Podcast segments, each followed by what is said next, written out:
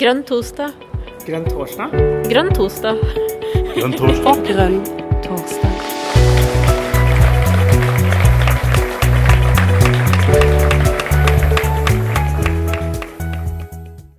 Hei, hei, og hei til deg også, Lan. Du kan få lov til å unmute deg. Der er vi, vet du. Og så må Ja, jeg trykke på. Sånn, ja. Hei. Hyggelig å være her. Veldig, veldig bra. Eh, nå er opptak og sånn i gang, men det har vel folk skjønt at dette gjøres på opptak. Eh, jeg ser at det fremdeles eh, kommer eh, folk inn. Vi har eh, rekordmange som er innom. Eh, og vi har også en del som er med oss på YouTube nå, i tillegg til på via, via Zoom, så det er kjempebra. Um, litt sånn løst og fast eh, først. Eh, hvordan er situasjonen i Oslo med, med korona, Lan? Nei, jeg tror jo at eh, her i Oslo som i hele landet, så er det jo litt spesielt å være i en sånn situasjon som vi er i nå. Når det føles ut som hele samfunnet er litt er stoppet opp, og at vi alle er hjemme i, i blokkene våre. Da, som mange av oss bor i Oslo, og ikke minst eh, her hvor jeg bor. Så man merker jo at man bor tett, og at det er få grøntområder å bevege seg i. Og også hvorfor det er viktig med god byutvikling. Da. Så da har du noen grøntområder rett i nærheten. det. Ja, vi har heldigvis det, og det er jeg veldig glad for. fordi det er skikkelig verdifullt å, å komme seg ut når, Mm. eh, når man er så mye hjemme og inne som, eh, som vi har vært nå. Mm. Mm. Nei, det vil jo, Vi får jo bare se hvordan dette utvikler seg. Nå har det jo kommet litt, litt eh, åpning på restriksjonene, så får vi se hvordan folk håndterer det. Ja. Mm. Ja, absolutt. Hvordan er det på Løten, Jon? Er det, skjer det noe spennende der? Nei, jeg har, ikke- jeg har ikke vært utafor tomta i dag. Men det er sånn jeg, jeg, jeg, har, jeg har gått fem kilometer, så jeg har ikke noe så, så stor tomt. Da, da er det i hvert fall eh, en liten tomt. Det er bare, det er bare 50 ganger 50 meter, da. Så det, ja. Men sånn er det å bo på landet. Ja. Åssen er det i sånn er. Lundera, Lundera, Karina? Nei, det har vært fint vær i dag. Eh, Jeg har en følelse av at det er en del folk som stikker av gårde på hytta på Mylla i løpet av påsken. eh, Mot bedre vitende, spør du meg, men eh, sånn er nå folk. Så man prøver å holde litt lav profil i butikken, så man ikke tar med seg noe fra hovedstaden. Ja. Um, Men OK, nok om det. Um, grunnen til at vi er her, er jo deg, Lan. Eh, og du er jo innstilt som en av nestlederkandidatene eh, til Miljøpartiet De Grønne til landsmøtet som kommer nå i, senere i april. Og um, du, det ser ut til at du får to benkere mot deg. Eh, og det gjør jo at det er jo litt aktuelt at du skal få presentere deg litt eh, grundigere, slik at, eh, at folk eh, har en større formening om hvem det er de faktisk skal velge mellom. Og nå har jo turen kommet til deg. Eh, men først jeg er litt sånn nysgjerrig på bakgrunnen din, da, Lan. Altså, altså hvor, eh, hva, er din, hva er din Miljøpartiet De Grønne-historie? Altså, hvor, hvor startet det hen? Ja, nei, for det første, eller Aller først så er det jo veldig hyggelig å være her, og veldig bra tiltak med eh, denne podkasten. Og at dere lar oss nestlederkandidatene presentere oss. Så det setter jeg veldig stor pris på. Um, og så er det jo min Miljøpartiet De Grønne historie, da. Eh, det Nei da. Det, det var jo for Jeg ble jo med i Miljøpartiet De Grønne for fem år siden. Eh, og det var omtrent samtidig at jeg ble innstilt som førstekandidat for Oslo MDG, og plutselig da et år seinere så var jeg byråd i Oslo og, um, og profilert politiker. Så det har vært litt av eh, en reise. Eh, men det starta jo egentlig ganske mye lenge før. Eh, rundt eh, 2011 så begynte jo folk fra Miljøpartiet De Grønne, eller som kom fra et eller annet litt rart parti som vi ikke hadde hørt om, å bevege seg rundt blant der hvor vi andre klimaaktivistene var. da, I ulike møter og, og foraer. Og da var jeg aktiv i en organisasjon som heter Spire, og møtte mange fra Miljøpartiet De Grønne. Og så var det jo da Rasmus eh, begynte å drive stortingsvalgkamp i 2013. at vi endelig, følte jeg, fikk en politiker som faktisk sa det som det var.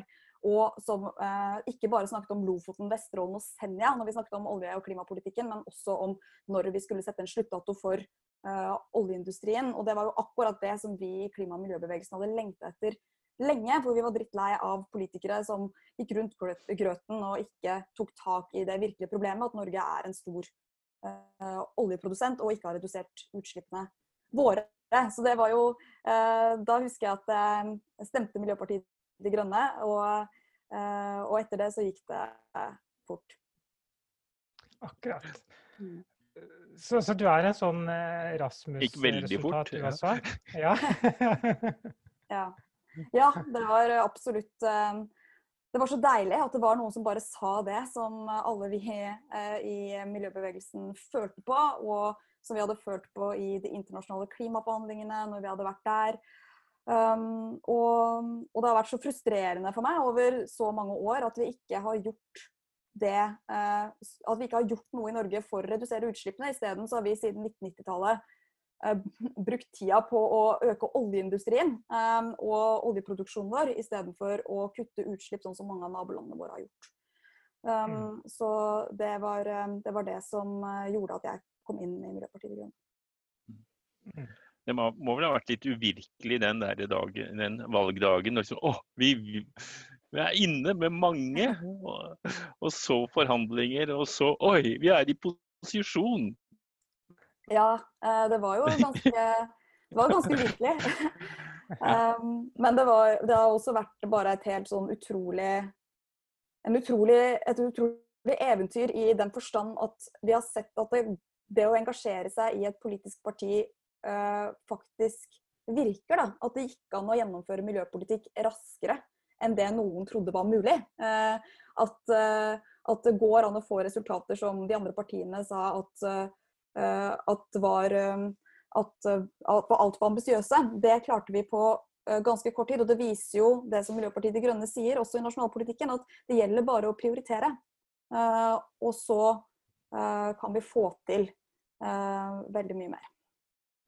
Og da går vi inn i noe som har blitt en, en veldig fin historie eh, for, for, De grønne, spesielt i Oslo, men også nasjonalt, vil jeg si. For Oslo har jo fungert som et slags lokomotiv. lokomotiv og i den prosessen så har du på en eller annen måte blitt en slags MDG superstar, eh, for å si det sånn. Eh, og jeg tror det er litt ufrivillig for så vidt, men det er nå sånn det er blitt.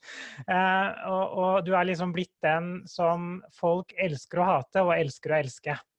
Eh, veldig sånn polarisert. Eh, hvordan opplever du det, og hvordan påvirkes du av det, Lan? Nei, det er jo et veldig stort spørsmål. Eh, men det var jo det var jo litt sånn over natta for, for, meg. fordi da vi vant valget i 2015, så var det ikke bare at vi gikk plutselig fikk 8 eh, og gikk, kom inn med en stor gruppe når vi bare hadde sittet med én i Oslo bystyre, men det var også at vi kom på vippen i Oslo. Som gjorde at vi kunne velge om det var Høyre eller Arbeiderpartiet som skulle styre, avhengig av hvem som ville gi oss mest gjennomslag på miljø. Og da tror jeg på mange måter at det ble på, på mange måter bildet da, på Miljøpartiet De Grønne sin valgseier i 2015. fordi vi kom jo ikke bare inn i Oslo, vi kom jo inn med nesten 300 folkevalgte på den tiden. Da, eh, fra hele landet. Eh, som nå har sittet i fire år og styrt kommuner og fylker over hele landet og gjennomført grønn politikk. Eh, og det er jo på en måte, Jeg tror det var noe av grunnen til at jeg på den tiden fikk mye oppmerksomhet også. For at det ble et slags bilde på at Miljøpartiet De Grønne kom inn i styre og stell rundt omkring i hele landet. Um, og nå har vi jo sittet uh, rundt omkring i hele landet og styrt da, uh, og gjennomført lokalt tilpassa miljøpolitikk uh, mange steder. Klarer du å leve et normalt liv? Kan du bevege deg fritt? Nei, det er jo klart at det å bli en offentlig person er jo også å miste litt frihet. Både i den forstand at man ikke har fullstendig frihet i å definere hvordan andre oppfatter en, men også i den forstand at man noen ganger må passe litt mer på. Det må definitivt jeg, fordi det Eh, fordi det har også vært eh, både trusler og, eh, og mange, mange, ting som kommer med det å være en offentlig person. Men for meg så har jeg kommet fram til at det er verdt det.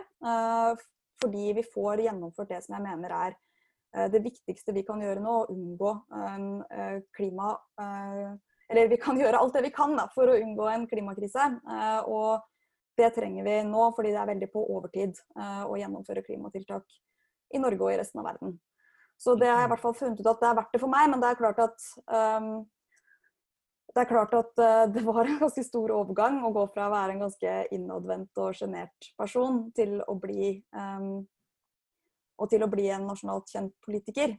Uh, men det er klart det har lært meg uh, etter hvert å leve med og håndtere.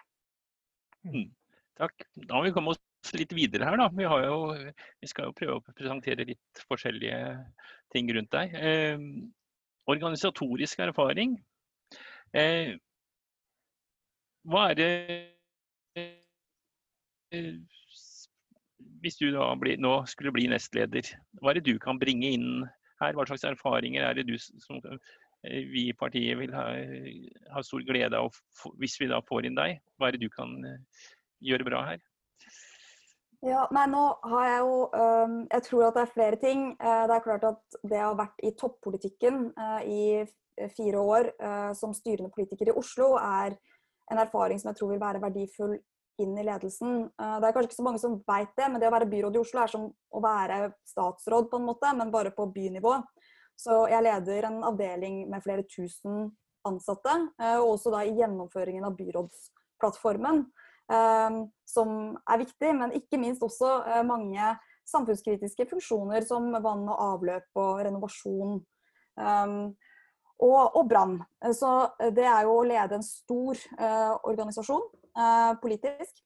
Så har, du, eh, så har, jeg jo vært med på å lede partiet gjennom to valgseire i, i Oslo. og også gjennom den best organiserte valgkampen som jeg tror vi har hatt i Oslo MDG, med over 700 frivillige som har gått og banka på dører og drevet med gateaksjoner i, Oslo. Uh, og også ta da politiske, strategiske valg gjennom alle disse fire årene på vegne uh, av uh, på vegne av Oslo, men og også med den, klart det med det i tankene også, at vi er et stort parti og at vi har stor gjennomslagskraft i media i, i, Oslo MDG. Så vi har vært et kjempestort og flott lag, og det har vært utrolig spennende og lærerikt å få være med på å lede både valgkamper og, og arbeid imellom. Du nevnte at du hadde vært i en annen organisasjon før du var i MDG. men Eh, var det, har du da noe organisatorisk erfaring der, eller var det bare at du var vanlig medlem? Eller hvordan eh, var det? For, sånn, er det mer, har du, har du mer erfaring ute i, i, i verden enn en MDG? Ja. Ja, nå er det jo det er, det er jo definitivt. Eller jeg har jo stort sett jobba hele livet. Eh, så jeg mm. starta å jobbe da jeg var tolv år. Da hadde jeg mast meg til en jobb i Aftenposten en måned før jeg fylte 13. og og gikk med avisa. Og så jobbet jeg mange småjobber fram til jeg var 20. Var bl.a.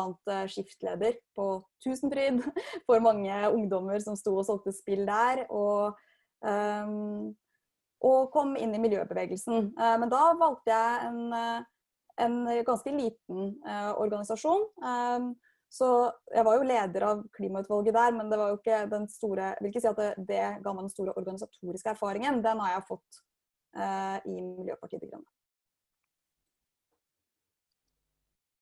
Mm.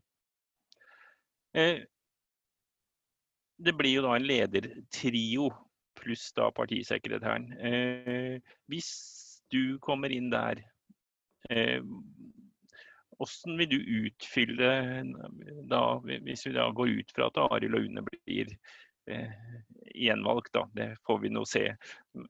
Årsmøtet må jo komme først. Men hva, hva kan du bidra med inn, inn Hvordan vil du utfylle disse? Ja, nei, jeg tror at øh, i hvert fall det som gjør at jeg er veldig motivert for å gå inn og kunne gjøre en jobb som nestleder for Miljøpartiet De Grønne, er at vi trenger å komme over sperregrensa, og helst bli vesentlig større enn det eh, når vi eh, kommer til 2021. Da får vi musklene til å virkelig breie ut partiet, og til å bli det grønne folkepartiet i Norge, som jeg mener at de har blitt i Oslo, når vi fikk 15,3% i valget i 2019, og ble det største partiet i fire av 15 bydeler. Um, men det krever både strenge prioriteringer, det krever at vi har Det krever at vi har, et, at vi har godt, et godt budskap, og det krever at vi bygger valgkamporganisasjon over hele landet. Sånn at vi kan drive fantastiske valgkamper i alle fylker, og at de stortingskandidatene som vi skal velge til høsten, kan være synlige og vise fram de grønne løsningene for sine fylker. Og det tror jeg kan bidra med bidra, det jeg kan bidra med inn i det, er jo nettopp at jeg har vært med på å lede og vinne eh, valgkamper for Oslo eh, MDG, som er vårt eh, største fylkeslag. Jeg har kanskje en, eh, eh, jeg har en erfaring som styringspolitiker eh, som er ganske unik i Miljøpartiet De Grønne. Og jeg har opplevd det å stå i toppolitikken over flere år. Og det tror jeg kan være verdifullt inn i, inn i den ledelsen. og at det at Oslo-prosjektet, som jo er et slags fyrtårn for Miljøpartiet De Grønne, at vi kan ta med den erfaringen inn i ledelsen, tror jeg er viktig om vi skal vinne stortingsvalget i 2021. Mm. Eh, du var inne på Oslo nå. Det er, jo, det er, jo, på en måte der de fleste nå kjenner deg fra. Eh, Oslo-prosjektet har jo på mange måter vært en eh, suksess. Eh, men det har også vært litt sånn støy rundt avvik av arbeidsmiljøloven i Oslo. Eh, du, hvordan tenker du at vi skal møte det i valgkampen? Tror du det er noe vi kommer til å måtte møte?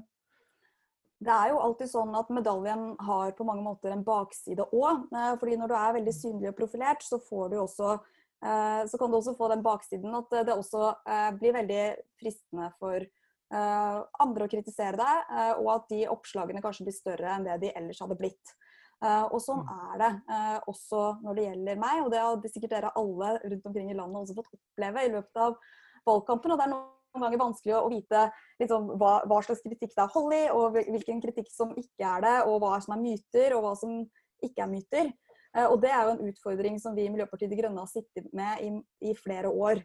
Um, men, jeg at, um, men jeg tror at det å uh, være synlige, det er noe vi er nødt til å være. Skal vi bryte lyd, lydmuren og klare å få fram budskapet vårt. Så jeg håper jo at jeg bidrar, uh, bidrar med, med, det også. Uh, og akkurat hva slags type saker som kan komme når man er en styring, styrende politiker, det er veldig vanskelig å forutse. Og det er også veldig vanskelig å forutse for meg uh, hva, som vil, hva, som vil, skje videre i de sakene som også i dag er kjent. Mm, mm. Eh, hvis vi ser litt sånn stort på Oslo-prosjektet, da. Hva, hva, hva, føler du er de viktigste tingene vi kan ta med oss som lærdom fra Oslo-prosjektet vårt? Jeg tror at uh, det vi kan ta med oss, er at vi tjener på å være tydelige. Uh, og, og klare å stå i de tøffe debattene selv om det føles ut som man står alene. Fordi vi vet at vi baserer politikken vår på et godt faglig grunnlag. Og at klimakrisen er overhengende og trenger tøffere tiltak, og mye tøffere tiltak enn det Norge gjør i dag. Men til og med også tøffere tiltak, mye tøffere tiltak enn det vi eh, har gjort til nå i Oslo. Det er de vanskelige årene som står foran oss når vi skal klare å kutte utslippene med 50% på verdensbasis innen 2030. Um, så det vi har tjent på Oslo, er å være tydelige. Vi har, vi har, vært tydelige, og vi har prioritert klima og miljø knallhardt både i budskap og i forhandlinger uh, etter uh, valget og underveis i perioden. Og det tror jeg er en viktig lærdom. Det må vi fortsette å gjøre. fordi når vi er tydelige i budskapet, så viser vi også fram hva som er ekte klimapolitikk. Og det tror jeg mangla, spesielt på lokalt nivå i hele Norge. Det å sette fingeren på hva er det som faktisk er ekte klimapolitikk. Og i Oslo for eksempel, så er jo et av de viktigste tiltakene er f.eks. bomringen. Som sikkert mange av dere møtte i valgkampen i 2019 også. ikke sant? Eh, hvorfor er dere så glad i bomringen? Eh, men det er nettopp fordi det er et av de viktigste klimatiltakene i Oslo. Ikke bare for klimaet, men også for å gjøre lufta rein og byen god å bo i. Mm. Um, mm. og derfor så, er det, uh, derfor så er det veldig viktig å, å snakke om det, for ellers så kan man jo ikke garantere at, at man får, uh, får, får, med seg folk på de tiltakene hvis de ikke skjønner at de er viktige. Um, så det tror jeg liksom det tror, jeg, uh, det tror jeg kanskje er de viktigste lærdommene. At vi må, være, vi må være ærlige og tydelige uh, om hva som trengs å gjøres. Og så må vi prioritere klima og miljø knallhardt. Ja, du elsker jo bomringen, men jeg bor i Løten, da. Og bomringen i Oslo og bomring her oppe, det er, det er jo, verden er jo litt forskjellig. Ja, ja du falt litt ut der. Ja. Men uh, jeg fikk med meg at verden var litt forskjellig. Ja. Mitt, det går ikke noe buss her som jeg kan ta. Nei, ikke sant? Og, ja, og jeg har også dårlig, dårlig internett. ja, det er til tider dårlig internett her også, fordi jeg tror det er mm. mange som er på. Men, uh, men det er klart, og klimapolitikk er forskjellig fra, uh, fra by til by og bygd til bygd. Mm. Men jeg tror at prinsippet er, er, det samme. Vi trenger å skape bærekraftige, grønne lokalsamfunn.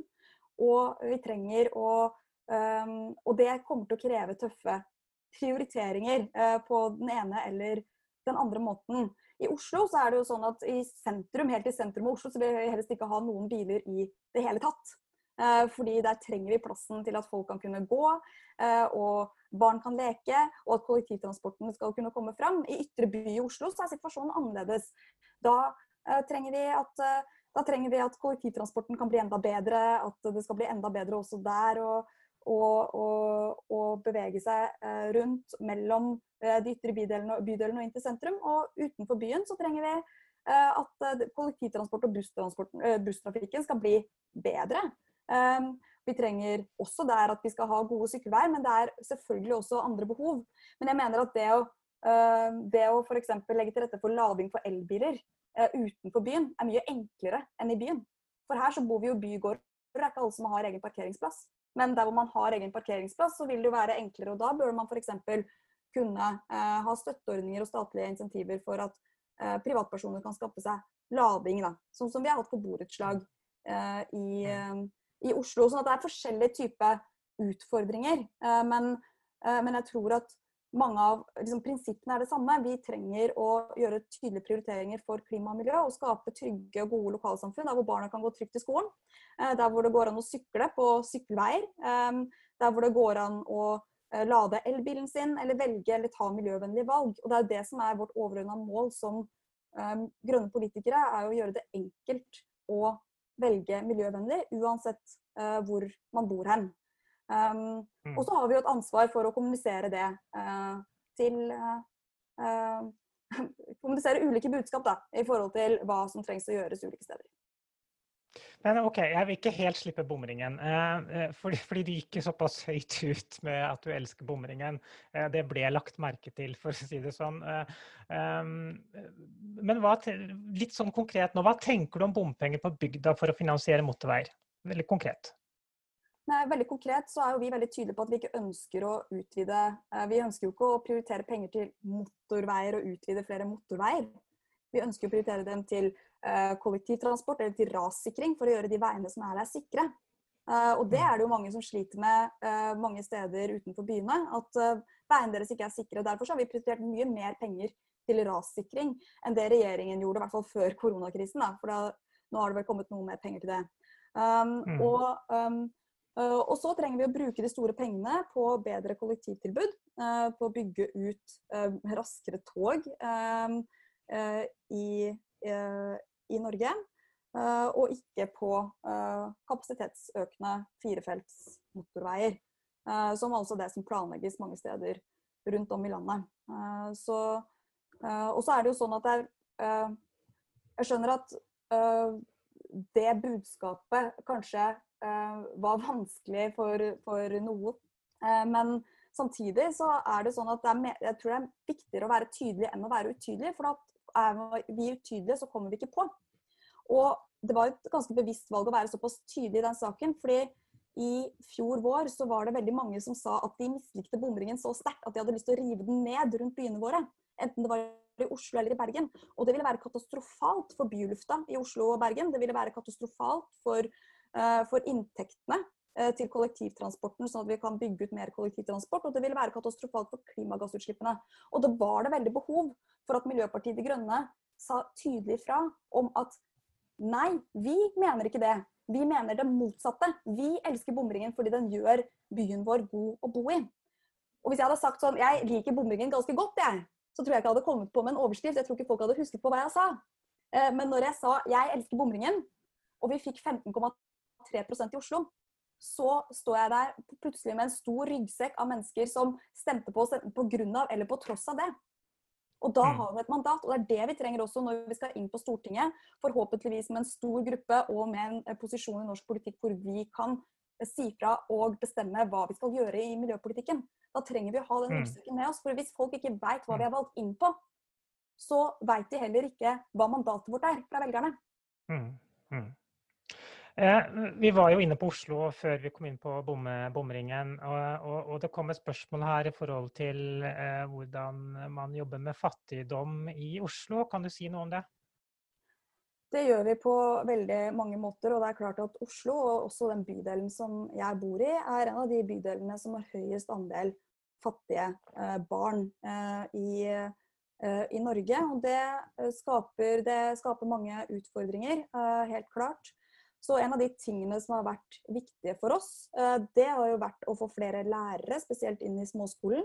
Sånn at vi kan tilby et godt tilbud til alle, uavhengig av hva slags eh, bakgrunn de har. Det har også vært viktig for oss å eh, få gratis halvdagsplass i AKS, eller det som er skolefritidsordningen, da. vi kaller det Aktivitetsskolen i Oslo.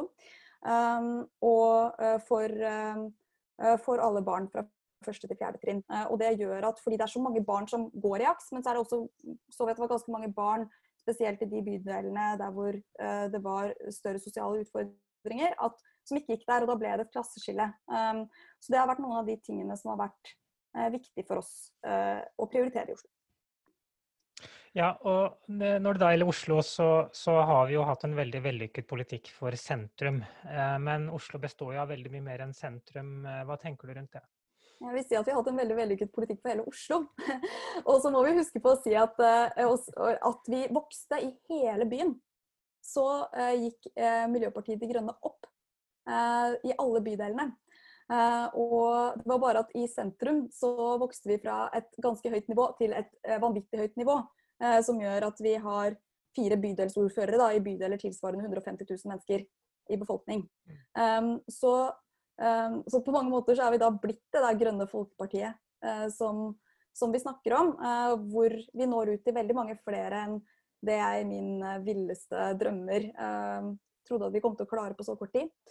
og det tror jeg egentlig er fordi at vi trykker på noen knapper som et engasjement i befolkningen som virkelig som har vært der lenge, og som politikerne ikke snappa opp før. Men også som vokste veldig i fjor. Og det er litt sånn vanskelig å huske på nå i de koronatidene som vi er i. men Fjoråret var jo den største massemobiliseringen for klimasaken som vi så i Norge og i verden. Folk i hele landet, barn over hele landet streika for klima. Folk brølte for klima i valgkampen. Og det, det, sier, det sier, meg da, at det er veldig mange som ønsker flere at Norge skal ta et større ansvar i klimapolitikken. Mm, mm. Men eh, dette ble veldig mye, mye om by, Jon. Eh, du bor jo ikke akkurat i byen, gjør du det? Nei, har jeg internett i dag? Ja. Det var litt dårlig på byen. Det er nok mange som driver og Eller mange er jo relativt. Det er vel en del som driver og streamer et eller annet her. Så det var litt dårlig, dårlig nett her i dag. Men hva skal jeg leve av her, Allan? På bygda? Nei, det... hva, det, hva skal MDG tilby folk på bygda? Vi tilbyr jo veldig mye til folk på bygda. Og jeg tror at en ting som vi ikke kanskje har vært så flinke til, eller som vi kan bli enda flinkere til å løfte fram, er jo nettopp at det å gjennomføre det grønne skiftet, det vil jo, det vil jo, gi, vil jo kunne gi mange arbeidsplasser i distriktene. Jeg tror jo at veldig mange har følt på denne usikkerheten nå under koronakrisen, og vi ser at, um, uh, at um, uh, ser hvor avhengig av olje som, uh, som vi er. både fordi at oljeprisen plutselig sank, og at kronekursen ble veldig lav. og, um, og da har jo Miljøpartiet De Grønne det beste svaret, nemlig at vi ønsker å sette en sluttdato for olje. Vi ønsker ikke å dele ut flere letelisenser. Vi ønsker å fjerne subsidiene, spesielt for leterefusjonsordningen. Sånn at det, og heller kunne bruke dem til andre ting, som f.eks. havvind. Og da vil jo mange av de som i dag jobber i oljenæringen, som sitter på, de sitter på veldig mye av den kompetansen som vi trenger å bruke inn i f.eks. havvind. Um, og så trenger vi ny, altså vi trenger ny teknologiutvikling innenfor mange samfunnsområder. Uh, og hvis vi bruker f.eks. Offentlig, offensive offentlige um, innkjøp til å kreve ny nullutslippsteknologi, så kan vi også få få utvikla det over hele landet. Blant annet så la vi inn krav om nullutslippsbyggeplasser i Oslo. Og plutselig så sto det en 42 tonns gravemaskin, elektrisk gravemaskin fra Caterpillar i Oslos gater, som var bygd om av et norsk selskap, Pond, på Romerike.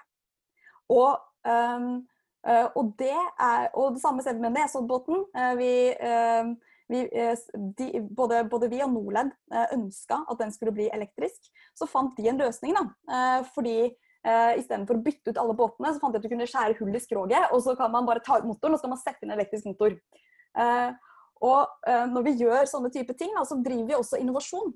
Eh, og det kan skape grønne arbeidsplasser, enten det er uh, i verftsindustrien, i skipsfarten, i byggebransjen, i landbruket. Um, og, um, og, det trenger vi. Um, det trenger vi framover. Så jeg tror jo at mange av våre løsninger det vil skape de uh, grønne arbeidsplassene. Ikke minst i distriktene som vi trenger. Og det er jo det som er god distriktspolitikk. Det som vil gjøre at folk føler at de kan leve gode liv eh, med skolen i nærheten, med et sykehustilbud som gjør at du ikke trenger å være redd for at du må føde på veien til sykehuset fordi du ikke når fram, eh, med at brannbilen og politiet kommer hvis du trenger det. Eh, det er jo den type liv vi ønsker oss, og der hvor vi trenger gode arbeidsplasser som svarer til den kompetansen som, som vi har. Og det tror jeg at Miljøpartiet De Grønne kan bidra med, og det har vi også vist i våre alternative statsbudsjetter eh, at vi prioriterer. Ja. Eh, jeg ble også valgt inn i 2015, samme som deg, som eneste. Men det var én ting jeg ikke kunne snakke om på stand. Det var ulv. Da klikka folk fullstendig. Det er sånn det har vært hele tida. Uh, ulv uh, er helt MDG er, uh, skjønner ikke hvilke utfordringer vi har på bygda. Det er det jeg får høre hver eneste gang ulvetemaet er oppe. Hva tenker du om det? Jeg tror det er en ulvemotstander jeg, som har tatt internettforbindelsen din. Men du fikk med deg spørsmålet, Lan? Jeg tror jeg skjønner litt uh, hvor du vil, i hvert fall, selv om det hakka litt. Altså, det her er jo, det er jo uh, vanskelig, fordi det å miste sau uh, til ulv er jo en forferdelig ting for de bøndene som opplever det, og en belastning som er tøff å bære. Men samtidig så vet jo vi i Miljøpartiet De Grønne at vi står midt i en masseutryddelse av arter. Um, der hvor vi i Norge er nødt til å ta det ansvaret som vi har for ulven, som er en kritisk trua art. Og da mener jeg det er helt uakseptabelt at vi holder et fredet dyr som er kritisk truet, på et så lavt nivå som vi gjør uh, i Norge i dag. Vi er nødt til å gi ulven mulighet til å leve i Norge. Og så må vi samtidig uh, få, uh, få, på plass flere forebyggende løsninger for å ta vare på, ta vare på sauebøndene. Og det som er utfordringen i ulvedebatten, er at det er så veldig sterke følelser på begge sider. Mm. Og det må vi prøve å møte med å prøve å bygge bro og og, og, og, møte den følelsen av forståelse. Men vi kan samtidig ikke uh, si at det er greit uh, å, um, holde et freda dyr på en, et så lavt nivå som vi har i Norge. og Derfor er jeg glad for at vi har et såpass offensivt standpunkt på ulv. Og, um, og, det vi vet, er jo samtidig at flertallet av Norges befolkning ønsker at vi skal ta vare på de eh, ville dyra vi har. Um, så selv om det er vanskelig og det skaper mange følelser, så tror jeg vi kan stå oss ganske støtt i både det at vi vi har med oss uh, flertallet, uh, og samtidig at, um, samtidig at vi vet at vi har rett, fordi vi er nødt til å ta vare på uh, de kritiske trua artene våre. Mm, mm. Ja, du er inne på noe der. Det er, det er, veldig mye følelser i deler av politikken. Og, og, rovdyr og landbrukspolitikken er vel et godt eksempel på det. Altså forholdet mellom beitedyr og rovdyr. Eh, hva tenker du, hva tenker du om, om, landbruksnæringen sånn eh, generelt? da? Altså, vi har jo hørt mye om deg i forhold til bypolitikk. Vi vil gjerne høre ut om deg i forhold til annen grunnpolitikk også. Hva tenker du om landbrukspolitikken? Ja, ikke sant. Eh, jeg tenker jo at det er veldig mange som føler på nå den der frykten som mange fikk for et par uker siden, da vi lurte på om det kom til å være nok mat i butikkene. Um, Og, uh, og, vi lurte på om vi måtte ut og hamstre, og om Norge kom til å kunne skaffe nok mat hvis ikke uh, hvis folk, land rundt om i verden ville ønske å ta vare på maten for seg selv. Og det vi opplever nå, er jo en akutt krise i landbruket. Der hvor vi mangler 30 000 folk til å være med på våronna og sørge for at bøndene i Norge får sådd. Og det, egentlig, det er egentlig bare et uh, symptom på en utvikling som har vært over lengre tid. Der hvor mange av de små og mellomstore brukene har blitt lagt ned til fordel for mer høyintensive bruk. og det er jo en utvikling som vi i Miljøpartiet De Grønne ønsker å stanse og motvirke.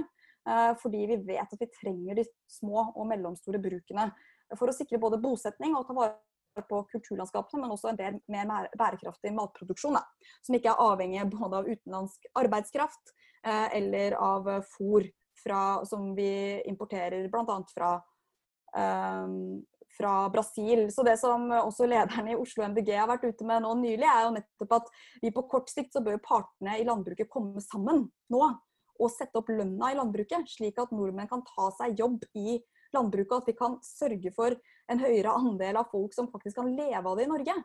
Um, og, um, og, det vil jo også da kunne være med på å løse det problemet som vi har på, um, på lang sikt, og ikke minst øke selvforsyningen. For Vi kan kalle det landbrukspolitikk, men vi kan også kalle det matpolitikk. Uh, at vi skal uh, sørge for at vi er, uh, har en høyere grad av selvforsyning i Norge.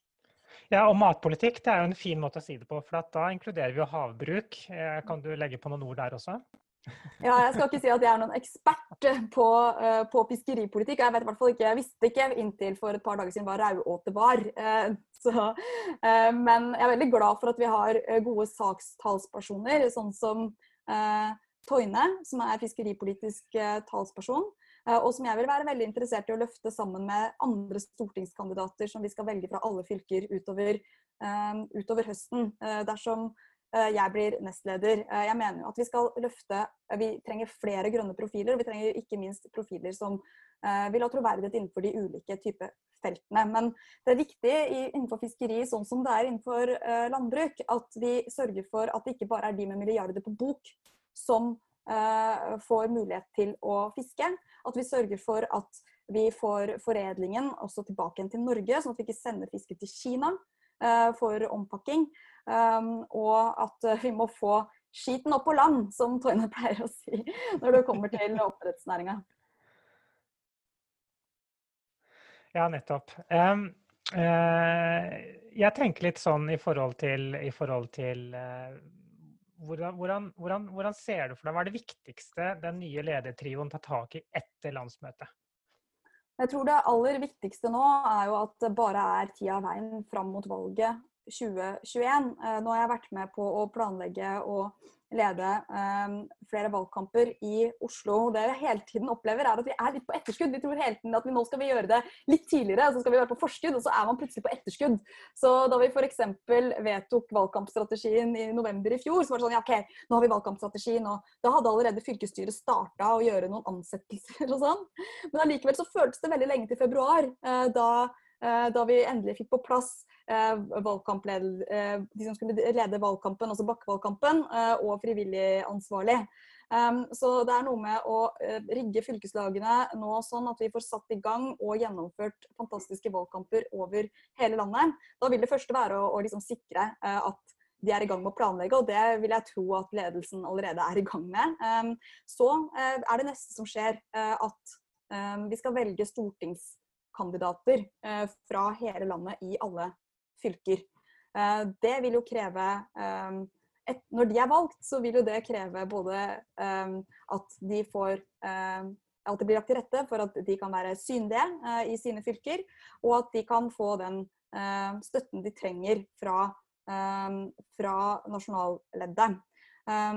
Og så begynner jo jobben med alle lokallagene. At de skal kunne skolere frivillige. At de skal eh, jo som sagt gjøre de ansettelsene som de eventuelt trenger å ha penger til. Eh, og at, eh, at, man da skal gå videre og banke ut budskap for valgkampen. Og så er, er det plutselig valgkamp. da. Den lange valgkampen starter jo egentlig i høst. Eh, og, blir, og, det blir veldig vanskelig å vite akkurat hvordan, hvordan, den vil spille seg ut. Og spesielt i den krisen som vi, som, vi, nå står i. men men, det, men da tror jeg at jeg kan bidra med den erfaringen jeg har fra to valgkamper i Oslo den valgkampstrategien som du refererte til. Jeg, jeg, håper at forbindelsen min er litt bedre nå. Jeg prøver med nytt nett. Ja, det er bedre. Eh, den valgkampstrategien du refererte til, den sier jo bl.a. at vi skal ut og møte velgere. Eh, og det er jo noe som faktisk ikke er så veldig lett i disse dager. Eh, all dørbank er vel satt på vent, går jeg ut fra. Ja, vi har i hvert fall, det vil jeg regne med at man har gjort over hele landet. Vi hadde jo egentlig starta den lange, lange, valgkampen i Oslo eh, den 4. mars mm. med, mm. med, dørbank og folk som eh, gikk og, og banka på dører også mellom valg, fordi vi tror at det er viktig. Og det er også i tråd med den strategien som vi har fulgt. Eh, men det er jo litt på vent, og da må man mm. prøve å finne andre måter da, å kunne møte velgere på. Men jeg tror det å banke på dører og snakke direkte med velgere var en veldig viktig i hvert fall for oss i Oslo, og mm. sikkert over hele landet. Eh, og jeg tror det er viktig for oss i valgkamper framover også. fordi det er jo de frivillige som er våre beste reklameplakater. Og som da banker på mm. dørene, og som snakker med, eh, med likemenn da, eh, om, om, den politikken som MDG har, og hvorfor de, hvorfor de vil stemme på Miljøpartiet De Grønne. Og det er, det er utrolig fint. Ja, der, det å møte velgerne i dørbank, det som jeg også har gjort her i Løten, det, det gir jo en helt annen så det, det, må vi jo bare fortsette med men på det tidspunktet vi får muligheten igjen. Ja, uh, ja mm. det er helt enig i. Mm. Og det er noe av det som også jeg mener at, uh, at vi, vi, så veldig tydelig, uh, i hvert fall jeg tror vi så en tydelig effekt av det i Oslo, selv om det er veldig mange faktorer det er vanskelig å måle. Eh, så bidro det, ikke, det bidro ikke bare til at vi møtte mange velgere, hvor vi banka på 41 000 dører i Oslo. Eh, men det bidro også til at vi fikk skolert veldig mange mennesker i eh, programmet vårt. Fordi de gikk rundt og snakket om det sammen to og to, da, ofte, med velgere. Og da, og, og, og, så vi kombinerte det også med, med jevnlige skoleringsmøter. Eh, som jeg tror også var veldig effektivt. Eh, hvilke problemer får vi som følge av denne eh, koronaen? da? Altså, klimasaken er vel fare for at den vil miste sin posisjon, i hvert fall midlertidig. Ja, jeg tror jo at altså akkurat nå så tror jeg at det er veldig mange uh, som har følt på den frykten for at uh, enten for å få viruset selv, eller for at sykehusene skal bli overfylte, eller at uh, man skal miste nære familiemedlemmer. Og det er jo klart at det er en alvorlig helsekrise som vi står i, etter hvert også en alvorlig økonomisk situasjon for Norge og, og verden. Men samtidig så tror jeg at Miljøpartiet De Grønne vil trengs mer enn noensinne. fordi Um, nå må vi jo sørge for at vi tar med oss den lærdommen, så vi ikke spaserer rett inn i en ny krise.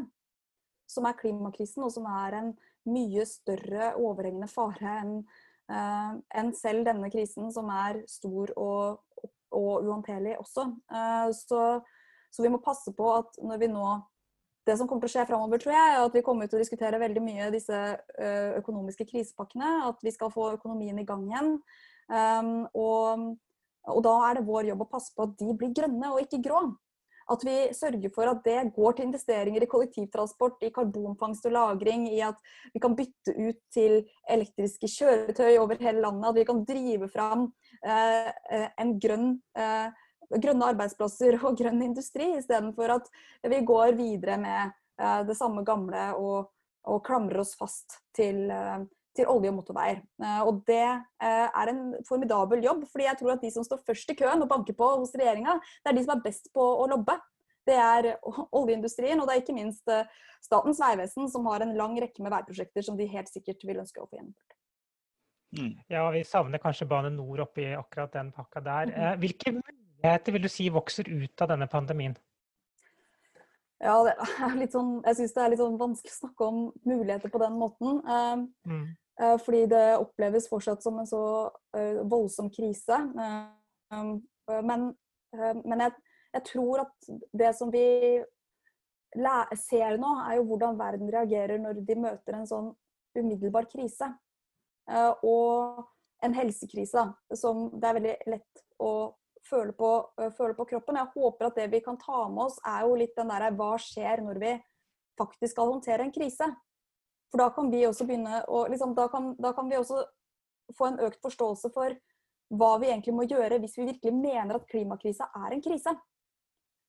Og da hjelper det ikke med politikere lenger som bare vaser rundt og tenker at eh, da skal man bare på en måte putte noen penger i Enova, eh, og så Um, og så løser vi klimakrisa. Det er jo ikke det som er å håndtere en krise. og det tror jeg på en måte Den kontrasten da, uh, tror jeg kanskje kan være viktig lærdom da, for, uh, for, oss som samfunn framover.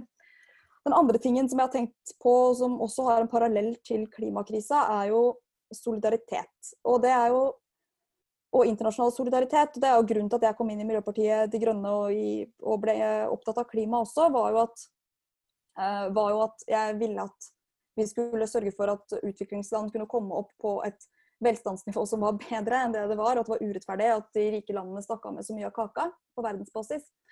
Eh, mens andre sulta og, og, og, døde av sykdommer som man kunne behandle. Eh, og, um, og, det vi ser nå, er jo at land over hele verden sliter med å få helsesystemene til å kunne ta unna i krisa.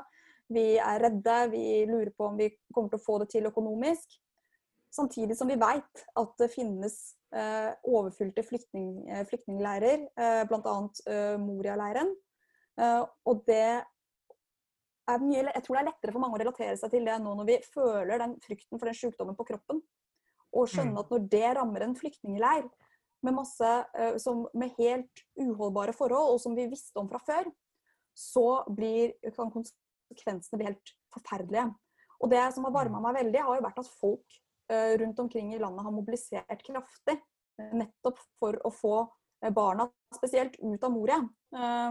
Og det er veldig godt å vite at vi klarer å ha varme hjerter, samtidig som det føles ut som det er litt kaotisk rundt oss selv i rike Norge. Og så mm. er det synd at vi ikke har fått gehør hos det hos statsministeren. Men hvis du nå, nå bare hopper vi tilbake til, til, til valgkampen som skal være i 2021. Um, Eh, hvis du ser bort fra bysaker, eh, hva blir de viktigste sakene i valget i 2021, tror du? Hvis vi ser bort fra bysaker? Ja, bysaker, okay. ja. det kommer litt an på hvordan man definerer det. Men jeg mener jo at eh, det Miljøpartiet De Grønne har vist helt siden vi kom inn på Stortinget i 2013, er at vi gjør det bra når vi er tydelige og sier det akkurat som det er i klima- og miljøpolitikken. Mm. og at Rasmus kom inn på tinget da han, da han sa Han sa vel noe sånt som Eh, eh, når han fikk spørsmål om hvorfor, et eller annet om oljestandpunktet vårt, spør han hvor lenge skal dere holde på? sa han. Eh, og, og, og, det at folk skjønner at vi er det eneste ekte grønne partiet i norsk politikk som faktisk vil sette klima og miljø øverst, det er det som kommer til å ta oss over sperregrensa. Så det er å fokusere på klima og miljø, og jeg mener også at vi må fokusere på å kutte norske utslipp, og ikke minst oljeindustrien. Ja. Eh, hvordan vil du bidra til å nå nye velgergrupper utenfor byene?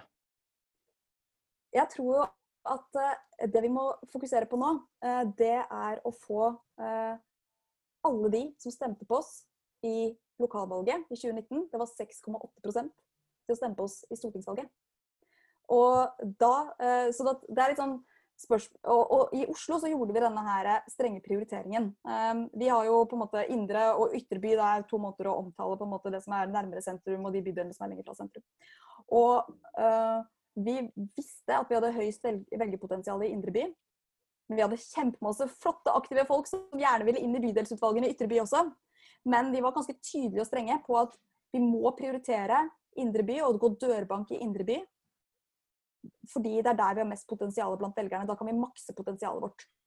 Og det gjorde vi, og det var de skikkelig sporty. De fra Ytreby var veldig sporty og stilte opp og gikk dørbank i Indreby. Uh, og jeg tror at det var viktig for at vi skulle um, for, at vi, uh, for at vi klarte å komme, gå fra 8,1 til 15,3% i Oslo. Og det tror jeg også nasjonalt. Jeg tror at vi skal satse aller mest på de stedene der vi har høyest potensial blant velgere. Fordi det er jo sånn at det er veldig få steder i Norge hvor vi har mulighet til å få direktemandat til Stortinget fra. Vi har mulighet til direktemandat til Stortinget fra uh, Oslo, uh, kanskje både første- og andreplassen. Um, vi har mulighet fra Akershus i Viken. Uh, vi har, hvis vi gjør veldig gode valg, så har vi mulighet fra Hordaland og Sør-Trøndelag. Men ellers så Men det er bare hvis vi gjør veldig gode valg, og da er vi sannsynligvis også over sperregrensa. Men skal vi få inn representantene våre fra de andre fylkene, um, så må vi få utjevningsmandater. Så litt sånn satt på spissen så vil det være veldig bra om vi får kjempe, veldig bra for distriktene om vi får kjempemange mennesker på Grünerløkka til å stemme på oss. så, eh, så, det er på en måte en, et sånn strategisk valg da, som vi står i fram mot, uh, fram mot uh, 2021. Um, uh, og bare så det er sagt, så betyr jo ikke det at vi skal få folk fra Innlandet til å komme og banke på dører på Grünerløkka. det betyr ikke det. Men det betyr men det betyr at eh, vi må prioritere ressursene rundt de store byene. Ikke bare på Østlandet, men i Bergen, i Trondheim. Eh, vi har byer i altså Bodø, Tromsø. Det er mange steder eh, i Norge der hvor vi har et veldig høyt velgerpotensial, som vi mm, må fortsette mm. å Jeg tror vi, tror vi har skjønt, skjønt hvor, du, hvor, du, vil med det. Eh, og så er det et spørsmål her som, som veldig mange har kommet med, så, så, så vi er nesten nødt til å stille det. Eh, hvordan ser du på det å kombinere det å være byråd og nestleder? Det er eh, selvfølgelig litt mer jobb, men det er også helt vanlig norsk politikk. Eh, så for så er jo Erna Solberg statsminister og partileder for Høyre, uten sammenligning for øvrig. Så har og så er Une vil være parlamentarisk leder på Stortinget og partileder. Og er også talsperson i dag. Um, og, så det her er helt vanlig. Jeg mener også at det på mange måter er viktig. For jeg mener at um, ledelsen uh, trenger en politisk plattform utover det å være leder for å klare å bryte lyd, lydmuren i media. Og det er også noe av bakgrunnen for at nå um, Jeg mener at det er viktig at det er Arild som er uh, byråd i Oslo mens jeg er i mammapermisjon, sånn som jeg er nå. Fordi, fordi det er viktig å ha den type plattform for å også kunne makse ut det potensialet man har som, um, som, som, nestleder. Vi ser at det er veldig vanskelig å, uh, å få det til sånn, sånn, ellers. Og Derfor så mener jeg også at de som stiller inn i ledelsen, også bør um, stille til Stortinget. Mm. Hvilke tre områder kunne du tenke deg å ta ansvar for å profilere i ledertrioen? Jeg visste ikke at vi skulle velge tre områder, eh, men Det er et spørsmål vi har fått. ja, nei, det, eh, det, det, her blir jo en, en, noe som den nye ledelsen, når den er valgt, må diskutere seg imellom. Eh, akkurat hva man prioriterer. Jeg tror det er viktig å prioritere det man er god på, det man har, det man har mest Kanskje størst på en måte, profil på fra før, tror jeg vil være viktig. For det dreier seg litt om troverdighet. Og jeg tror jo at det vil være veldig viktig for Miljøpartiet de Grønne bl.a. å uh, få veldig mange velgere i, uh, i byene. Uh, så, så fortsette å snakke om det, og også gjøre det om og når jeg reiser rundt til de andre byene, f.eks. Uh, og så tror jeg at jeg har um, så tror jeg at jeg har um, uh, mye troverdighet på, på, klima og miljø sånn generelt. Fordi at vi har uh, fått en sånn type status i Oslo. Eh, men det er jo ikke sånn at vi har en klimapolitisk talsperson i Miljøpartiet De Grønne. Så jeg tror at det er noe som alle kommer til å snakke om, og som alle bør snakke om. Mm. Og en annen ting som jeg har blitt spurt eh, å spørre om, det er jo borgerlønn. Og borgerlønn er jo veldig aktuelt. Det er helt, ja, det er helt ut og nett i dag. Eh, men spørsmålet gjelder borgerlønn, Lan. Eh, hva er ditt forhold til eh, borgerlønn? Eh, det er veldig mange som lurer på det. Og i tillegg dette med grønn vekst. da. Grønn vekstparadigme. Ja, så bra at dere spør om det. Det er jo Borgerlønn har på en måte fått en litt sånn ny schwung nå de siste ukene. Der vi ser at det er mange som både har innført og som snuser litt på, på sånne typer midlertidige ordninger da, rundt, om, rundt om i verden. Og jeg er positiv til til å utrede borgerlønn og til å kunne ha forsøk med det. Eh, sånn som vi også har vedtatt i arbeidsprogrammet vårt, som er gjeldende, eh, gjeldende, synes, eh, gjeldende nå. Og jeg syns det er veldig spennende at byrådet i Bergen har sagt at de ønsker å ta initiativ til et sånt prøveprosjekt der. Så, mm. så jeg er absolutt, absolutt positiv, positiv til det. Ja, veldig, veldig bra. Grønn vekst. Nei, det er, jo klart. det er jo klart at vi har et økonomisk system i dag som ikke tar hensyn til naturens tålegrenser. Så mm. det er vi nødt til uh, å, uh, å, gjøre noe med. Og jeg tror Og jeg tror at vi kan få mye bedre, et mye bedre samfunn hvis det går litt saktere, og hvor vi kan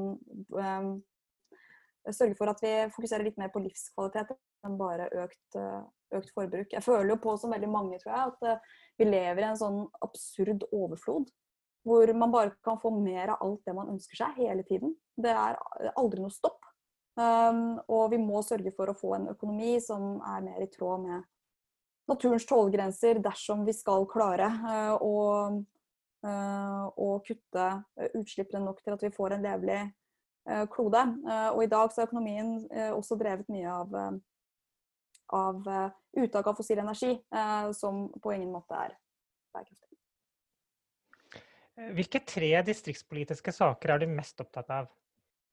Tre distriktspolitiske saker? Ja.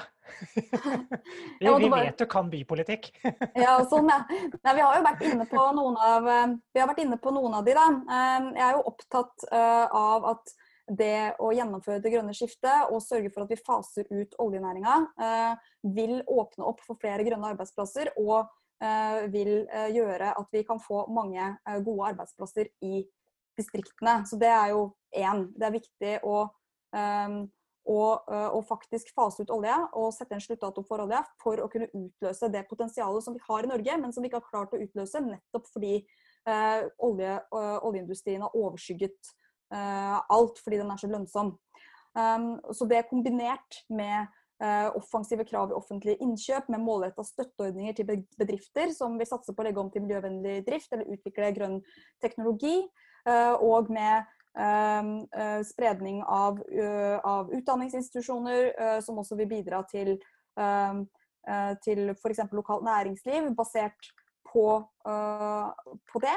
Det vil kunne skape gode arbeidsplasser over, over hele landet, og det er viktig. Så det andre det er jo en ny kurs for norsk landbruk. Det har vi vært innom. At vi må gå fra Vi må ta vare på de små og mellomstore brukene. fordi de sikrer kulturlandskapene i Norge, og det skal sikre matsikkerheten vår framover. så um, det siste er at vi skal sørge for tjenester nær folk. Um, og her så vet vi jo at uh, det er jo de samme tingene som vi alle trenger i hverdagen vår. Vi har vært litt inne på det, men det er jo generelt trygghet, arbeidsplasser i nærheten, mulighet til å utdanne seg. At barna kan gå trygt til skolen enten man bor i en by eller langsmed en stor vei i utkanten. Um, og, og, det må vi sørge for. Og der har jo Miljøpartiet De Grønne veldig god politikk fra før. Eh, vi er kritiske til mange av regjeringens sentraliseringsreformer. Vi gikk mot politireformen. Vi jobber over hele landet for å bevare nærskolene våre.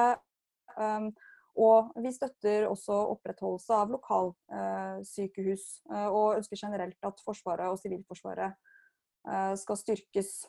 Så, så, her så har vi allerede veldig god politikk, og det er jo nettopp det som er viktig for folk for at de skal bli boende. Ja, jeg ser på chatten her at det var en som ikke var helt fornøyd med svaret ditt på grønn vekst. Eh, mer sånn konkret, hvordan skal vi bremse forbruket?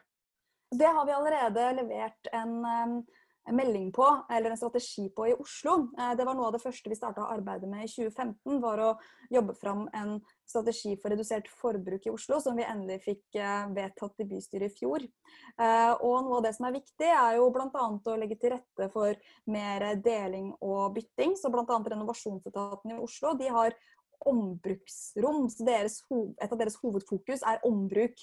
Og det er at når folk går til renovasjons... Altså til, til og leverer det de ikke har bruk for lenger, så kan de, hvis det er helt fullt brukelig, så kan de sette det på en sånn, i et sånt rom der hvor kan, andre kan komme og hente det.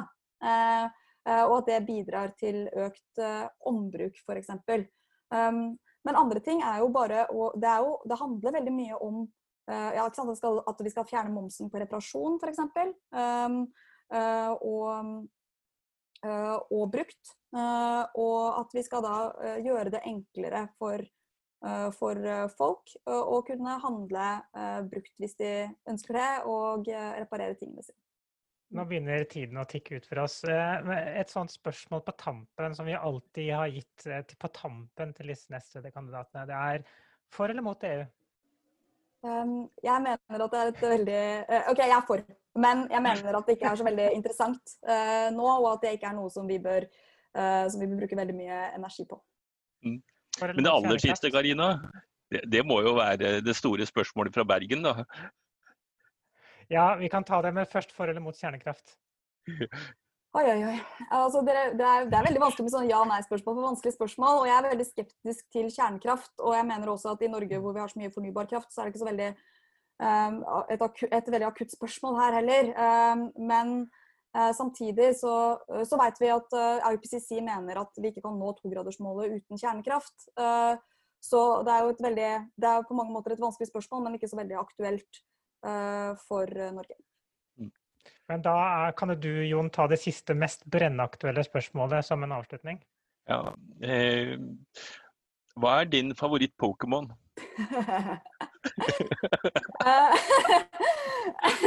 altså, uh, ja uh, Nei, jeg er jo ikke så veldig spennende av meg, da, men jeg tror det er Charmander.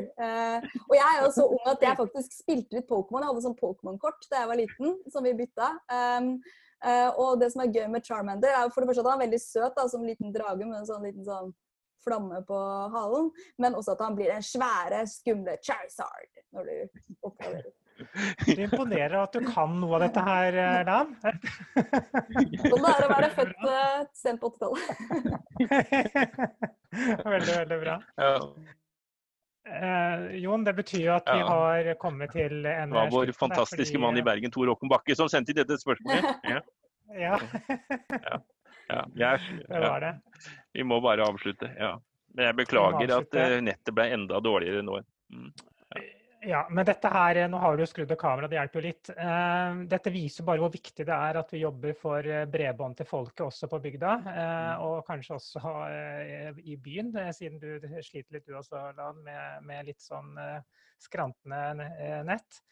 Men vi får nå bare gjøre det vi kan, vinne neste valg og sørge for at vi får bredbånd til alle.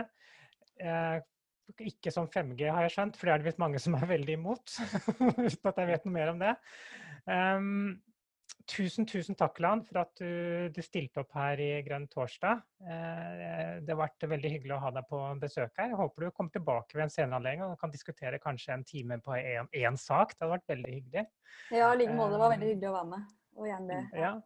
Veldig bra. Og neste, og neste, gang da så blir det antagelig med alle de andre møtedeltakerne som synlige, slik at det blir et mer møte. Mm. Så uh, Grunnen til at vi har gjort det på denne måten, er for å gjøre det så tight som mulig, for vi får mest mulig inn i den ene timen. Så jeg håper at dere som ser på, tilgir oss at vi har gjort det på den måten. Mm. Tusen takk. Beklager kvaliteten på nettet. det har pleid å gå bra. Det har pleid å gå bra. Eh, sånn er det. Eh, tusen, tusen takk, folkens. Da er denne Grønn torsdag ferdig. Så da sier jeg bare tusen takk for at dere var med. Og så møtes vi eh, torsdag etter eh, påske. Eh, temaet er vel ikke helt bestemt, eh, Jon? Er det det? Nei, men jeg kom på noe, en vinkling som jeg tror vi skal gruble litt det skjer, Ja, det skjer noe spennende med andre Da er det noe å glede seg til, folkens. Ja. Men vi kan ønske god påske. Vi kan ønske god påske. God påske, folkens. Okay.